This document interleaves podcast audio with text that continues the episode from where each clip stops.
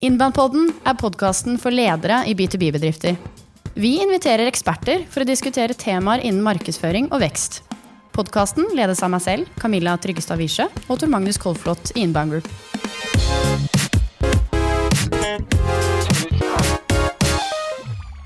I dag er vi så heldige å ha med oss eh, Maria og Lars fra ScaleUp XQ. Selskap som lever av å rigge salgsmaskiner og hjelpe særlig scaleup-selskaper med å få uh, fart på den kommersielle veksten sin. Hva kaltes det? Scale up XQ. Hva, hva, hva betyr Du må bli scale? vant til sånne begreper i denne episoden her nå, Ja. til Magnus. Men la dem fortelle det snart selv, kanskje. Yeah. Ikke sant? De var veldig obs på at jeg måtte si XQ på slutten. Eh, vi har med Lars her, som er gründer og eh, managing director, daglig leder i, uh, i ScaleUp XQ. eh, og Maria, som er leder for salgsinfrastrukturen. Det skal du også få forklare nærmere hva det betyr. Tusen takk for at dere kommer i dag. Vi skal prate om effekten av salg og marked sammen. Hva kan man få til om salg og marked jobber sammen istedenfor i siloer? Hva er egentlig viktigst? Eh, hva kommer først, hva kommer etterpå? Hvordan kan du få fart på salget ditt å jobbe med markedsføring parallelt, og se på noen konkrete eksempler på hva dette her betyr i praksis. Så det gleder jeg meg veldig til, i hvert fall. Tror jeg dere gjør også, eh, Lars og Maria. Kan ikke du starte litt, eh, Lars? Kort, hvem er ScaleUp XQ? Og hva er din passion her i livet? Og, og din rolle? Jeg har vært så heldig å få lov å være med og bygge noen selskaper fra scratch. egentlig da med fokus på det kommersielle. Og gjort dette her eh, noen ganger etter hverandre også. Eh, Der det har vært fokus da spesielt på den 0-100-fasen, som jeg kaller det. 0-100 millioner og 0-100 mennesker. Som, som er en kritisk fase. Det er den enkle fasen, Lars? er Ja. Det er den enkleste av de alle. Ja, Det er den fasen der alt gjør seg selv.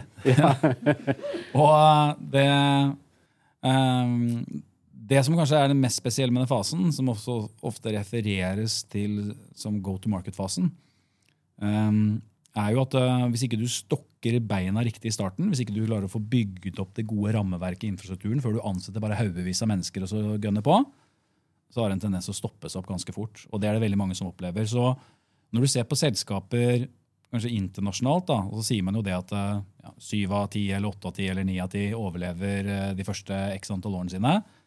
Litt avhengig av hvilken kilder du sjekker. Og det som kanskje er aller viktigst, er at 90% av de som det går til helvete med, de feiler i akkurat den der go to market-øyeblikket fordi de ikke har da klart å stokke beina riktig i starten. Og det er det som Scaleup XQ er bygget på.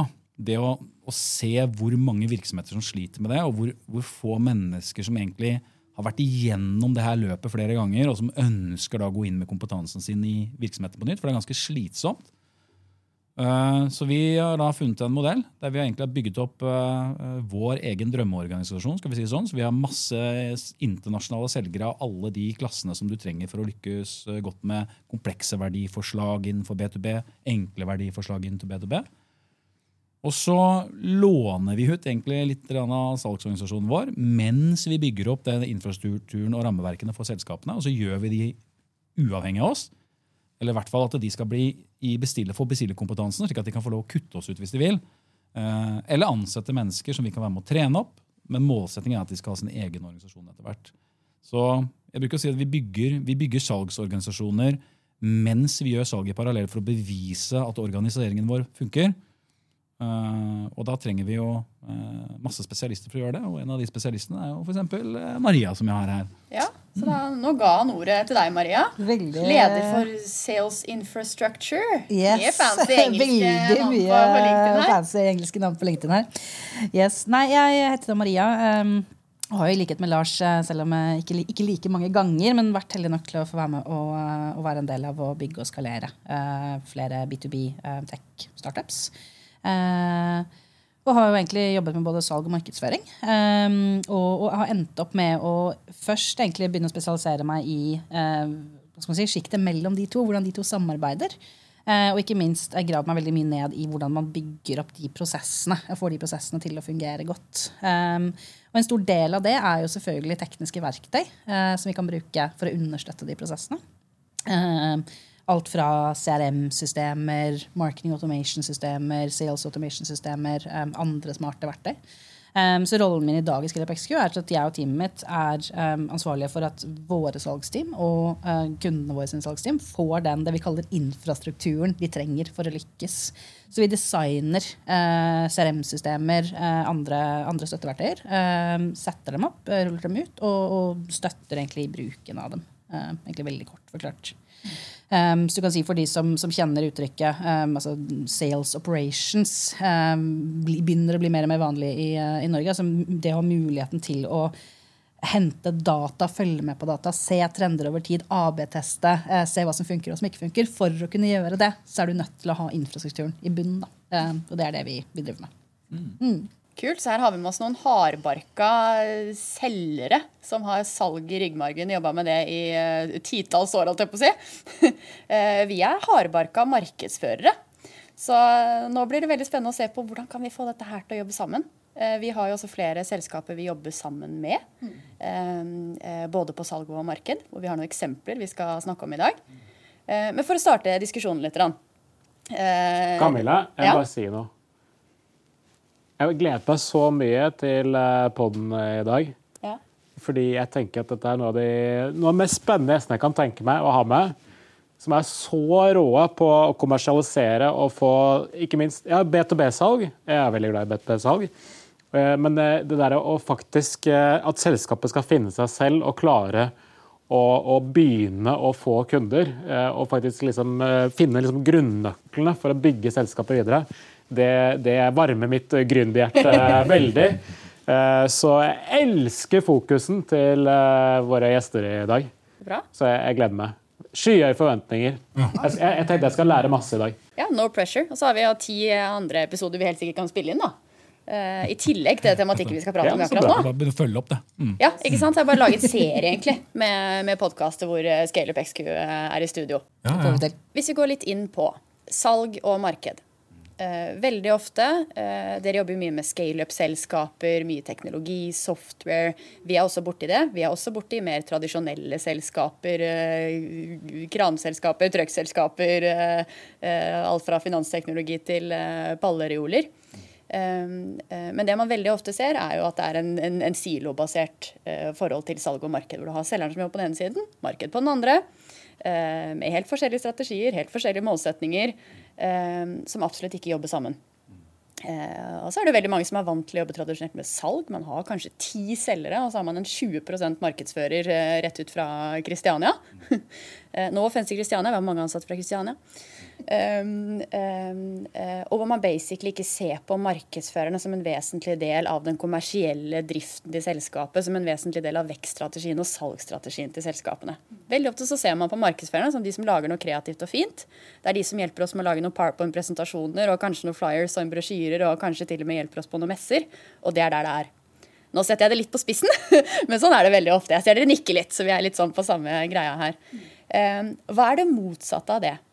Dere rigger kommersielle avdelinger. Dere snakker mye om salg, eh, men salg av marked. Dere jobber mye innenfor liksom hele den kommersielle riggen i selskapene.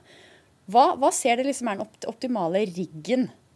Eh, hvis dere kunne liksom skissert en sånn drømmekommersiell eh, avdeling i et selskap, hvordan ser det ut? Det var et stort, vanskelig spørsmål. Okay, vi, er, vi er et B2B-selskap. Vi er hva er det typisk? Fem eller ti eller ansatte eller noe sånt nå, og har store ambisjoner om å vokse og lykkes videre. Hvordan skal, da, hvordan skal man gjøre det? Hvordan skal man, bygge, hvordan skal man rigge opp det kommersielle da? Hvis du ser på de, kanskje de i B2B-spacet, de kommersielle fagområdene som du ser at du finner altså folk som spesialiserer seg og har spisskompetanse innenfor, så har du, du har jo tradisjonelt det som er mer marketingdrevet, det som er salgsdrevet, og så har du gjerne da customer success-biten, altså oppsalg og, og videresalg og aktivering av kunder osv. Og, så og og, og i, de, i, de senere årene også så har det jo kommet dette med produktdrevet uh, salg osv. Men, men hvis du tar bort den biten og tenker liksom litt mer tradisjonelt uh, eh, B2B, så er jo egentlig jobben å finne ut uh, hvordan virksomheten din skal vekte disse. Og det er forskjellig fra virksomhet til virksomhet. For det er ikke et sånt ett svar. Det som kanskje vi kan si er svaret, er at det er liksom en et, et rund kake med tre kakestykker, og så må du finne ut av hvor mye av kaka er det som er marketing, salg og customer success eller kundesupport. Hvis det er enda mer tradisjonelt. Da. Og det som vi gjør, at vi, vi vi er veldig tydelige på at uh, hvis du vet noe om cirka betalingsvilligheten til kundene dine, så kan du også si noe om hvor du bør starte hen for å finne ut av dette.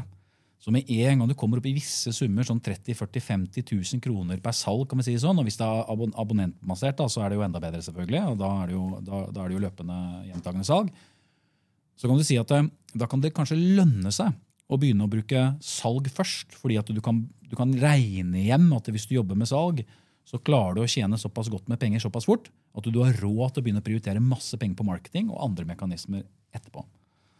Uh, hvis du tjener mye mindre per kunde, så er det ikke sikkert at du har råd til å ta den veien. og Da må du kanskje bruke lengre tid på å bygge opp momentum, og da kanskje du må bruke marketing først for å finne ut av alt. Og med en gang du da finner mønstrene og hvordan um, konverteringsratene osv., så, videre, så kanskje du begynner å tjene penger, og så kan du begynne å ansette selgere og bygge opp salg.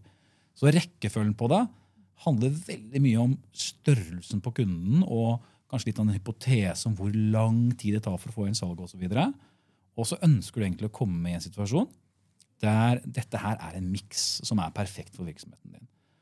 Og jeg tenker det at eh, hvis at det, eh, Vi snakker veldig mye om salg, og det kan jo, men vi mener jo at marketing er salg, customer success er salg, og salg er salg.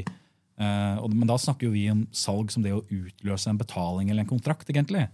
Um, så hvis, ja, hvis vi prioriterer ut ifra størrelse, og hvordan vi kan da uh, ta en uh, tilnærming enten til marketing, salg og customer success basert på størrelsen av salget, så finner du veldig fort ut av det du trenger å vite for å gjøre bedre prioriteringer etterpå. Da. Og Så kan vi gå et nivå ned og så si ja, men hvordan gjør jeg det, da? Ja, og det, da har man jo sånne som dere, for eksempel, da, som vet hvordan man skal prioritere ting i riktig rekkefølge hvis man skal rulle ut marketing. Eh, for det er mange marketeers som sitter i virksomhetene som ikke har, for de har aldri vært igjennom en sånn utrulling selv. ikke sant? Eller hvis man skal rulle ut salg, da, så kanskje ikke man helt vet hvordan man skal gjøre det. Da kommer man kanskje til sånne som oss, som har gjort dette så mange ganger, så vi vet i hvert fall hva vi ikke burde prioritere å gjøre. Så vi kan bare unngå de feilene, og så går det mye kjappere før vi får vært ute i markedet og testa. Så jeg vet ikke, du har kanskje noe å legge til der? Jeg tenker jeg i hvert fall eh, understreke litt det du er inne på der med, med altså, um, farten du kan få da, ved å velge salg som, som første mekanisme. Jeg er helt enig med det, det Lars sier om, om størrelse. Det, det, bør være en viss størrelse på kontraktene. Um, når det er sagt um, så vil jeg, vil jeg, også si at uh, det, det, det, gjelder jo, altså Hvis vi sier at salg skal være en mekanisme for oss som selskap, både nå og på lang sikt, det skal være en av våre hovedkommersielle armer, uh, så bør du ha den visse størrelsen. Men selv bedrifter som har lavere kontraktsverdier enn det Lars er inne på, kan ha nytte av utgående salg i en startfase. Nettopp fordi at det er en så kjapp og effektiv måte å hente data på. Mm. Hvis du ringer 200 selskaper, det klarer du fint i løpet av en uke hvis du får opp farten litt. Eller en dag. Eller en dag, for den saks skyld. Ja. Så får du innmari mange svar veldig veldig, veldig fort. Eh, men, men, skal du gjøre det på, med, med, med, markedsføring, eh, så, så, så, tar det jo rett og slett lengre tid å, å få de datapunktene fra markedet. Mm. Eh, så, så det å kunne selv for bedrifter som har lavere kontraktsverdier, eh, kjøre det som et, som et, løp i starten for å videre senere kunne bygge markedsføring på toppen av det, mm. eh, mener jeg kan være kjempeverdifullt. Mm. Um, så vil jeg også bygge litt på det du sa. Eh, Camilla i stad om uh, altså det at salg og markedsføring sitter på hver sin tue. Uh, og det er jo et, er et, et kjempekjent problem. Markedsføring uh, enten har blitt stuet bort og blir sett på som et slags sånn PR, kreativt kommunikasjonsbyrå, eller man har kanskje gjort et forsøk på å si at ok, men, okay, markedsføring, dere skal, dere skal, levere leads, potensielle kunder, til, til salg. og da har man gjort noe veldig viktig. hvis man har gått så langt at man sier det, mener jeg. For et av hovedproblemene jeg ofte ser, er jo nettopp det du er inne på. At markedsføring eh, de ser ikke seg selv som en del av den kommersielle maskinen. Eh, de forstår ikke. Eh, jeg pleier å si at altså, litt, sånn, litt, sånn, kjipt sagt, verdien av deg som markedsfører, det er hvor mye du drar inn. Det er bunnlinja. For det salg er jo veldig koblet til det. Alle selgere man har noen mål og man har kanskje noen bonuser kobla til det. Man er veldig klar på kroner og øre. Den har ikke markedsføring. Så nummer én er at man må, man må ta den praten med seg selv internt i selskapet og få kobla de to. Men selv mange selskaper som gjør det, ender fortsatt i en sånn situasjon hvor ja, ok, markedsføring sitter her og sier ok, vi har fått noen mål, da, vi skal levere x antall leads, og så gjør vi det. Og så sitter salg her borte, og så sier salg ja, men de leadsene er jo kjempedårlige, jeg vil ikke ta i de, jeg gjør heller min egen greie. Og så sier markedsføringen men jeg sender deg masse leads, så ja, blir det bare dårlig stemning. Så, så jeg tror også steg nummer én, da, litt for å svare på spørsmålet ditt, hvor starter man? Det starter jo med å få de to i samme rom. Enten det er fysisk eller digitalt eller bare oppi hodet. Eh, salg og markedsføring må snakke snakke sammen og bli enige om de felles målene. Eh, hvis ikke vi klarer det, så klarer vi jo ingenting. Mm. Det liksom, bare, bare, det, dette opplever kanskje dere kanskje oftere enn oss, da, i og med at dere jobber mye mer aktivt på marketingsiden. Men hvis du ser sånn tradisjonelt på det, da, så er det sånn at eh, hvis du snakker budsjett, da, så er det sånn at eh, marketing ofte de snakker om budsjetter som penger vi trenger. Og så snakker de aldri om penger de skal skape. Men så er det selgerne snakker om? De får jo budsjetter på hva de skal selge for uten at man snakker egentlig om pengene man trenger for å få til salget. Så Den ene snakker om inntekter, og den andre snakker om utgifter ofte. og Det er jo egentlig begge, det, det, er jo, det er jo et ulogisk. Begge burde jo snakke om hva vi skal skape av disse pengene. Og så kan vi jo bli enige om det, og da får man til ting sammen. da. Du har et veldig godt bilde på det. Ja, men det er jo sant. Det er, jo, det, er, det, er, spot on, egentlig, greia. Hvor mye penger skal jeg få? Du skal ikke få noe penger. La oss bestemme hvor mye penger du skal skape ut av de pengene du tenker du skal få. Så kan, kan du få.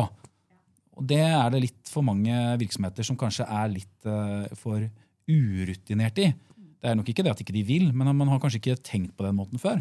Vi må inn og justere litt på markedsføringsstudiet, i pensum. Ja, ja. Det, men, men jeg jobber med saken. Er ute og holder forelesninger titt tid til stadig. Ja, Ute i BI og Kristiania. Men det mener jeg genuint. Altså 100% fordi at igjen, altså jeg tror også det som ofte skjer da, eh, Jeg har også jobbet en del med markedsføring og, og har jo tatt meg selv i det her. at man går seg jo, Vi snakket før vi gikk live her litt om vi skal passe oss litt på buzzordene eller prøve å ikke bli for fluffy. og det, det skjer jo så ofte, både på salg, salg er vel så skyldig, men altså markedsføring, man, man går seg bort i buzzord i konsepter.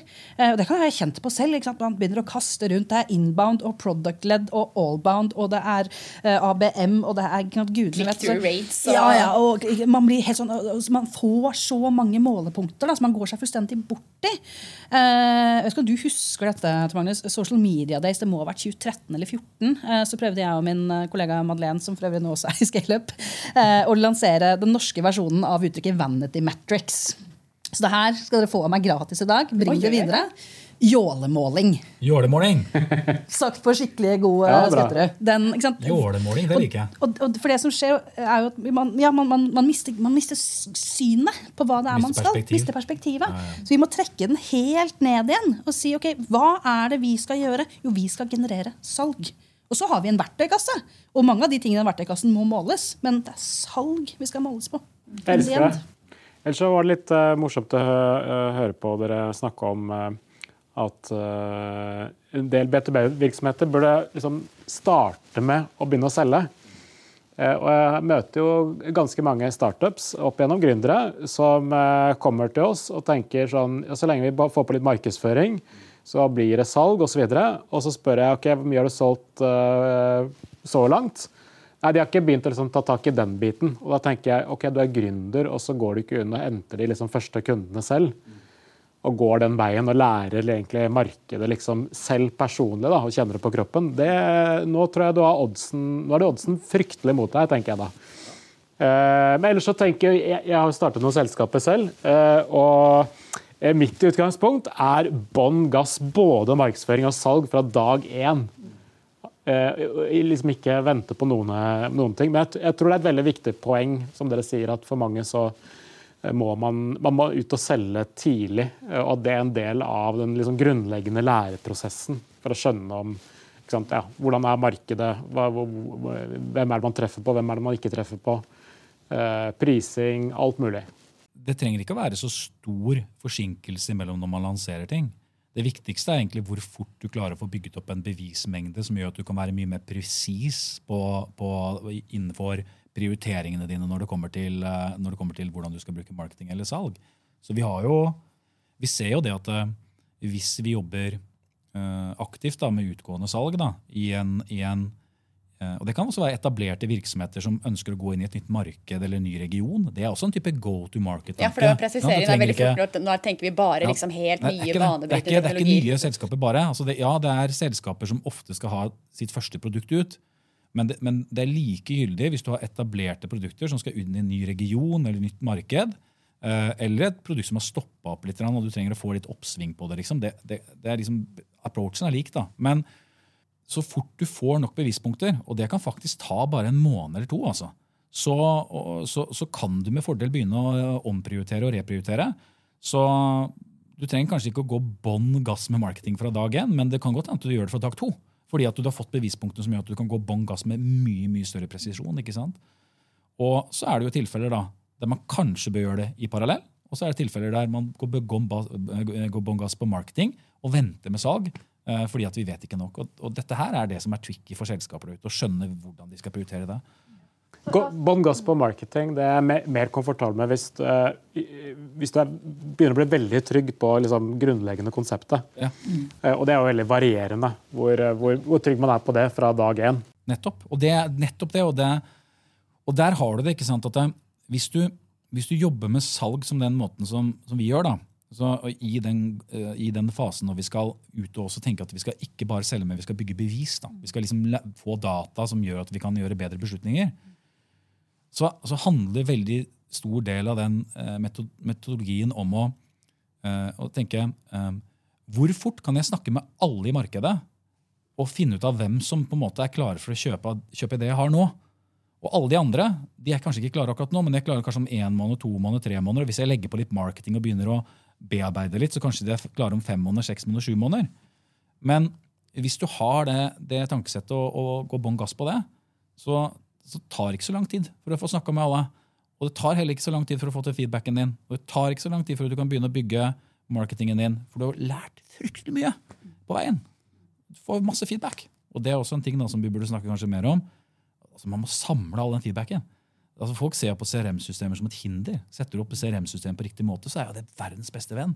Og alle selgerne kan liksom bare slappe av, for du vet at du har samla dataen som du kan bruke litt ned i veien for å skape enda mer i butikk. Ja.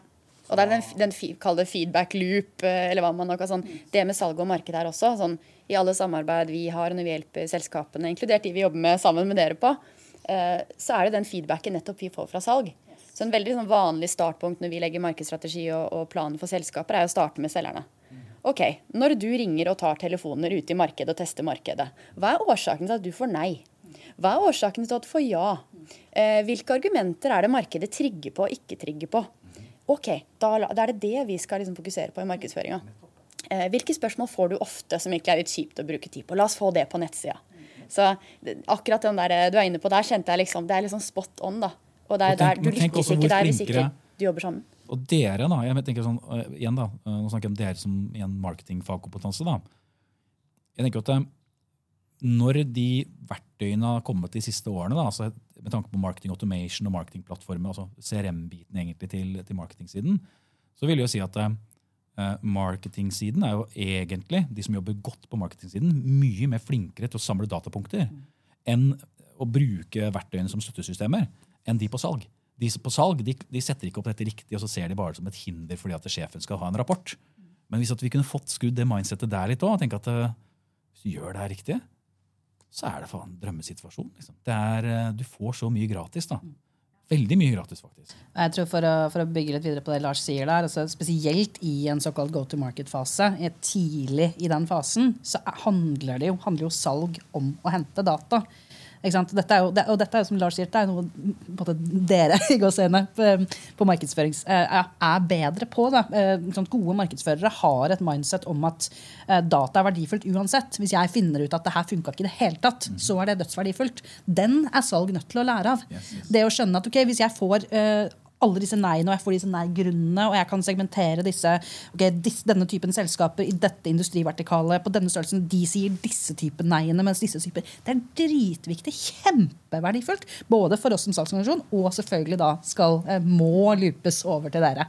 Eh, så der, eh, ja, der har vi noe å lære av hverandre. Da. Så markedsførerne bør lære kroner yes. av yes. selgerne, yes. og selgerne bør lære data av markedsførerne. Stemmer. Ja, og kanskje også mindsettet. altså jeg, jeg, snakker mye om det internt også. så Mindsettet til de selgerne våre er mye mer likt et marketing-mindset. Det, det, er vi som er marketingkanalen akkurat nå. Så du har mye, Det er ikke push-salg å prøve å tvinge folk inn og kjøpe produktet og Vi snakket jo litt om det i sted også. Du prøver ikke å få et møte for enhver pris. Det du egentlig prøver, er å avdekke eh, sakte, men sikkert om det er en god match interessemessig mellom det du har å tilby, og det som kunden ser etter. Og det er veldig mye mer pull-mekanismer. og, og, sånn, altså det at du trekker folkene inn. da. Uh, og det er jo veldig mye mer likt uh, marketing. Og så er det å snakke med mange mange flere mye fortere for å mappe ut mest. Har du noen eksempler på, på bedrifter dere har hjulpet? som liksom, Du har dratt noen selskap fra 0 til 100 yes. uh, tidligere. Yes. Hva, liksom, hva, hva, var nøkkelen der og inspirasjonen du tenkte shit, dette her må jeg gjøre mer eller hjelpe enda flere selskaper med? Altså Det forrige selskapet som jeg var med på, det er et norsk, norsk selskap som heter Seneta. Det har gjort det knallbra ut i det internasjonale markedet.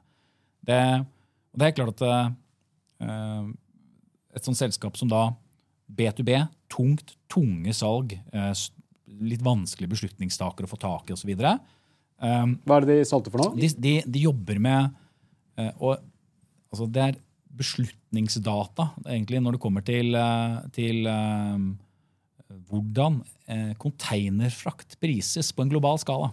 Så hvor mye koster det egentlig å sende en konteiner fra Kina til Hamburg? Uh, og, no, og, de er bygget av med prisindeks på det. Så de samler inn kontrakter, altså reelle priser fra alle i hele verden. Ting som egentlig er sånn uh, hemmelige data for å si det sånn, som man uh, ikke nødvendigvis får lov å dele hvis ikke det blir anonymisert osv. Og, så og så har de bygget opp prisindekser på det. Så de er verdens ledende på, på, å lage det er sånn Nordpol for, for, for containerfraktdata.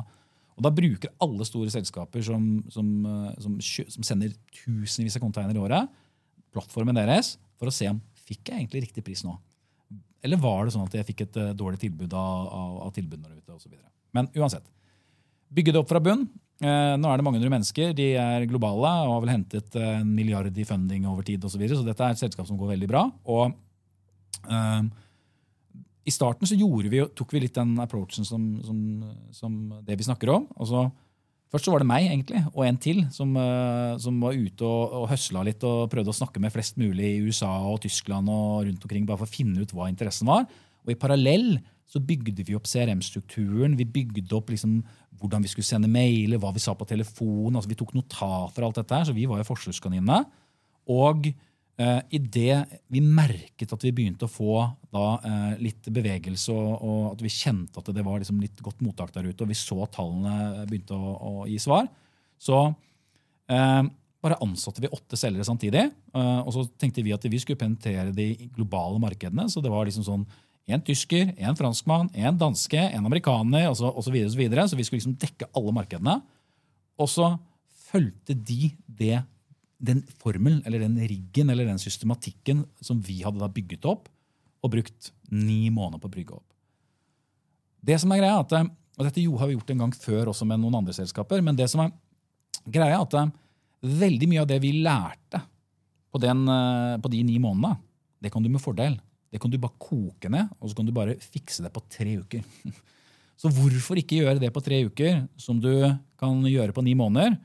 og så skru på maskineriet som kan gå ut i markedet mye mer volumbasert, mye mer kvalitativt også, rett etterpå. Og det er egentlig den viktigste læringen fra f.eks. den reisen. Da, at uh, all den tiden vi brukte der ute for å bygge i parallell med at vi var noen få mennesker, det tar for lang tid. For veldig mye av dette her er kopierbart, systemmessig, strukturmessig osv. Og så var nok læring nummer to det var nok at vi vi tok nok inn marketing litt for sent, eh, selv om vi føler at vi, vi tok det tidlig. For dette, dette, var et mer sånn posisjoneringsmarketing-game. Uh, og når vi tok inn en marketingperson der, så tok vi gudskjelov inn eh, en, en, en, VP Marketing eller CMO som hadde vært igjen denne reisen her før. Så hun gikk jo rett på, på, på konverteringer og jobbet med posisjonering og konvertering i parallell. Og utfordret oss på salg bare kraftig og sa at vi, vi skal jo måle liksom hvor mye bidrag vi har liksom inn. Altså hvis ikke vi bidrar med 5% eller 10% eller 20% av omsetningen neste år, så er det jo er det noe gærent i det vi holder på med. Så jeg tenker at uh, få inn marketingfolk uh, som skjønner at uh, det handler om å tjene penger og ikke bare bruke penger. Og at du må gjøre det først, og så må du bygge posisjonering i parallell.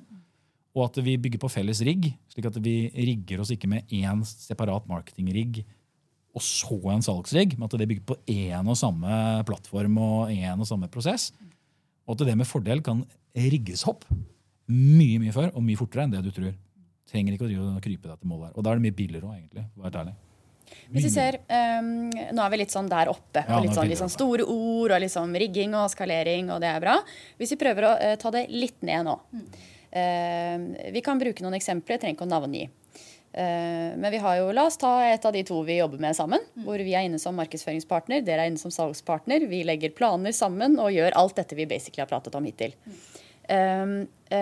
hva innebærer det i praksis? hva betyr dette her egentlig? Ehm, så la oss starte med f.eks. hva er det eh, Vi jobber med et selskap eh, sammen nå som er et relativt nytt selskap. En del av et stort, stort kjent konsern. har ny software som er ganske nytt i markedet. så det er ganske sånn banebrytende nytt på en måte, sammenlignet med andre typer produkter og tjenester. Hva er det marked og salg gjør sammen nå i starten? Hva er aktivitetene? Så jeg kan jo smake litt fra markedsføringsdelen, f.eks. Der vet jeg at vi sammen har definert hvem er det som er drømmekunde, hvem er de prospektene vi vil at skal kjøpe av dette selskapet. Mm. Og så er dette i et marked hvor eh, mesteparten av markedet er ikke kjøpeklare nå. De er det kanskje om tre-fire måneder, kanskje til og med to, tre, fire, fem år. Mm. Så hva er egentlig jobben til marked og salg her? Jo, det er å bygge kjennskap, merkevare, langsiktighet, begynne den posisjoneringen, få innsikt og data, sånn at vi kan bruke det eh, kontinuerlig.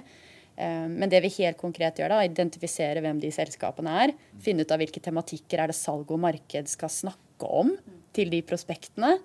Eh, ha markedsføringsinnhold f.eks. på LinkedIn med produktvideoer, med innhold, videoer med fagkompetanse, hvor man deler fagstoff som da blir målrettet mot de samme prospektene som da selgerne deres eh, jobber ut med.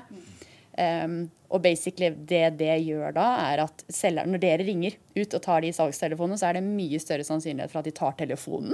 Fordi de har hørt om dette selskapet fra før av. De har kanskje til og med hørt uh, hvem det mennesket på andre siden av tråden er. De har kanskje sett markedsføringsbudskap, så de tar telefonen oftere. Og det er også mye høyere sannsynlighet for å ha møte med dere. Er det litt sånn, uh, sånn dere opplever det også? Det tenker jeg liksom er litt sånn spot on liksom sånn gevinsten en selger kan ha. da. Ja.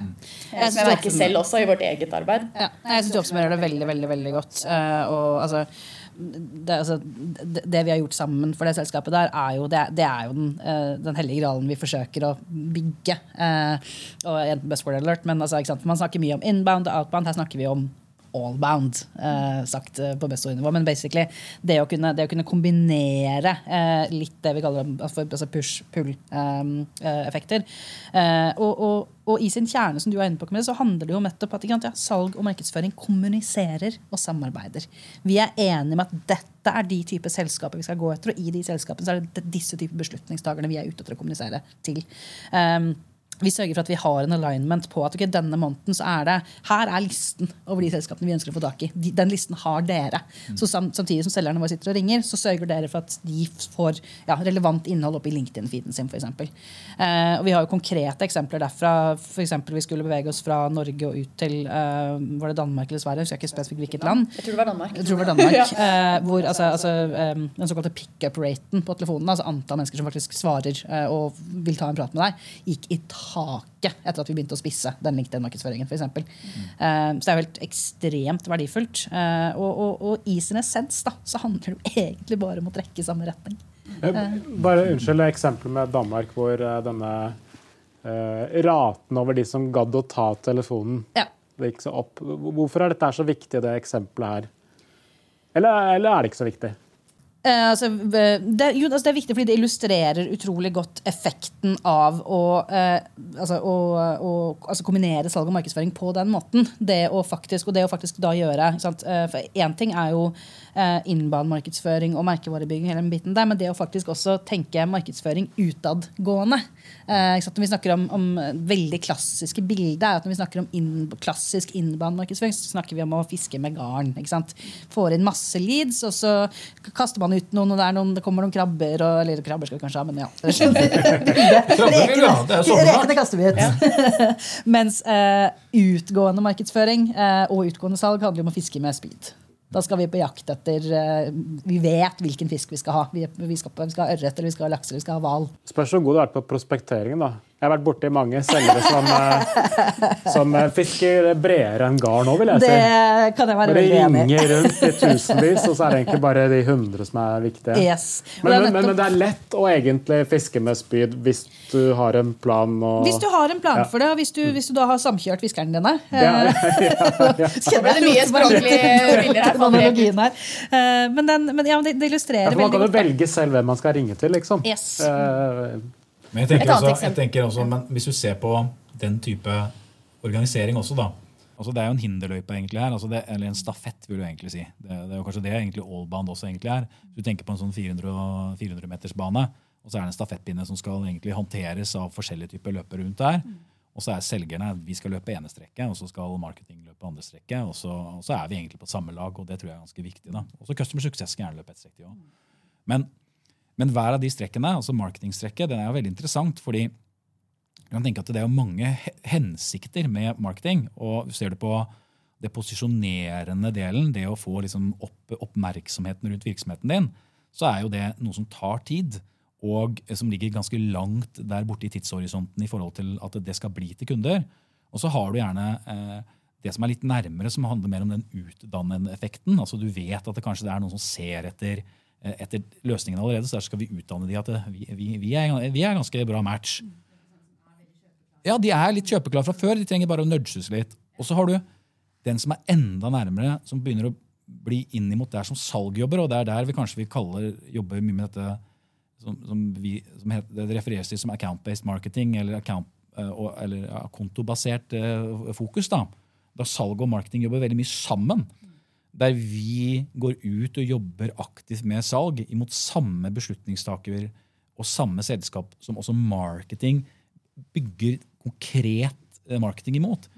Og da får du en mye mer umiddelbar effekt. da. Så jeg vil jo si at eh, hvis man er bare klar over hvilken uh, av de på en måte bracketsene man legger initiativene sine inn i, og hvor man investerer hen, så uh, kan man få veldig mye effekt av å gjøre alle tingene i parallell. Men hvis du ikke har så mye spenn å bruke akkurat nå, så bør du helt klart prøve å starte med det som ligger nærmest der det er skjæringspunktet mellom salg og marketing. For da vil du få mest trolig veldig stor effekt veldig fort. Og uh, både mer konvertering, men helt klart også og, uh, større interesse. Og kanskje mye gratis også leads som kommer inn. Uh, som ikke selgerne trenger egentlig å jakte opp, men, men de kommer av seg selv. Så så har, har, har, du 100 drømmekunder, så bør uh, selger og markedsfører jobbe med de ja. 100. Ja. Det er, det så enkelt. I først. først. Ja, og etterpå så, så, så, vi lærer jo masse fra det. Og så, kan, og så er det mye av det samme materialet selvfølgelig, og sånne ting man skal bruke i den fasen. Som da kan man bruke til å bygge ut ikke sant? mer utdannende, langsiktig markedsføring, mer, mer posisjoneringsmarkedsføring. Men det smarteste er å begynne så nærme som mulig hvis du skal bruke salg og marketing. I, i, da blir det smarketing. Og det funker kjempebra. Ja, det er et nytt eh, et annet begrep eh, vi kan ha en hel episode om. Ja, ikke sant? Det er egentlig ganske gammelt buzzord, men ja. Det, ja I Norge, så, kanskje ikke for dere, men i Norge, når vi snakker med virksomheter, så er det sånn smarketing det er ganske, det er ganske sånn, Å, det var smart. Uh, til, og med, til og med inbound er jo fortsatt uh, relativt uh, ukjent i veldig mange kretser i, i Norge. Og allbound er i hvert fall totalt ukjent, selv om det har vært gammelt internasjonalt. Her kunne vi sittet i hele dag og pratet ja, om det her. Eh, vi skal få et siste spørsmål. Eh, og det er eh, litt sånn for å runde av. Eh, Lars, hva tenker du er det viktigste at lytterne av denne episoden skal sitte igjen med?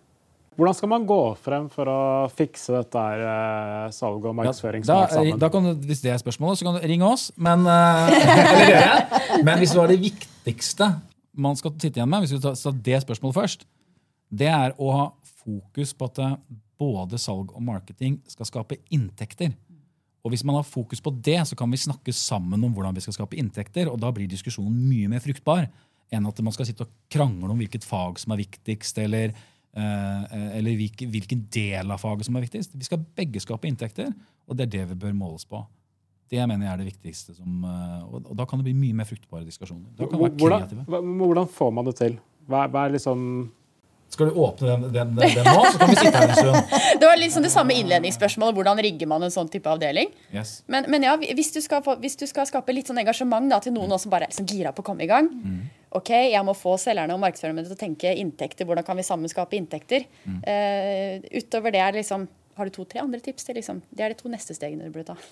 Ja, så jeg tenker, det, kan jo, Dette kan du jo koke nedover. da, så si at Så lenge vi er enige om at vi skal skape inntekter, så, så må vi ta neste spørsmål. og det er jo eh, Hvem er det som skal representere de inntektene? Altså, vi er nødt til å bli enige om eh, hvilken målgruppe vi skal jobbe ut imot. og Da må vi med fordel jobbe ut imot samme målgruppe. og Det er jo også litt sånn at det spriker noen ganger. Og Så kommer jo neste del av det igjen. Det er jo da hvordan skal vi kommunisere eh, vårt produkt eller verdiforslag imot denne målgruppen, eller de som skal kjøpe i den målgruppen. Og da er det ikke ett verdiforslag. Da er det basert på hvor i hierarkiet i organisasjonen du er. Så er du på toppen av organisasjonen, så må vi si noe annet enn hvis du snakker med noen som er litt lenger ned i organisasjonen. Men der er jo en tommefingerregel at eh, alle kundene til en B2B-leverandør, det, det, det, er liksom noe, noe, som ligger der som er i alle, virk, altså alle virksomheter. De har jo en interesse, og det at de skal få virksomheten sin til å være lønnsom. Det er to måter å skape lønnsomhet. Enten må du selge mer, eller så må du redusere kostnader.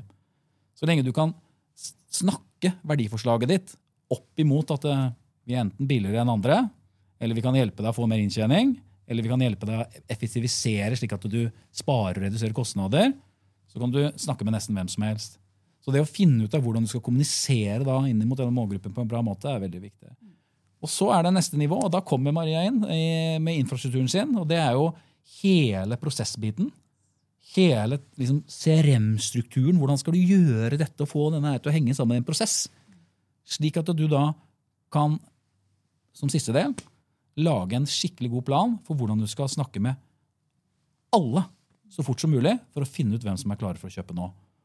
Og du klarer ikke å snakke med alle så fort som mulig hvis ikke du har et CRM-struktur og en prosess. Du klarer ikke å snakke med alle så fort som mulig hvis ikke du vet hva du skal snakke om, til hvem du skal snakke om, og da blir det ikke noe penger heller hvis ikke du prioriterer den rekkefølgen.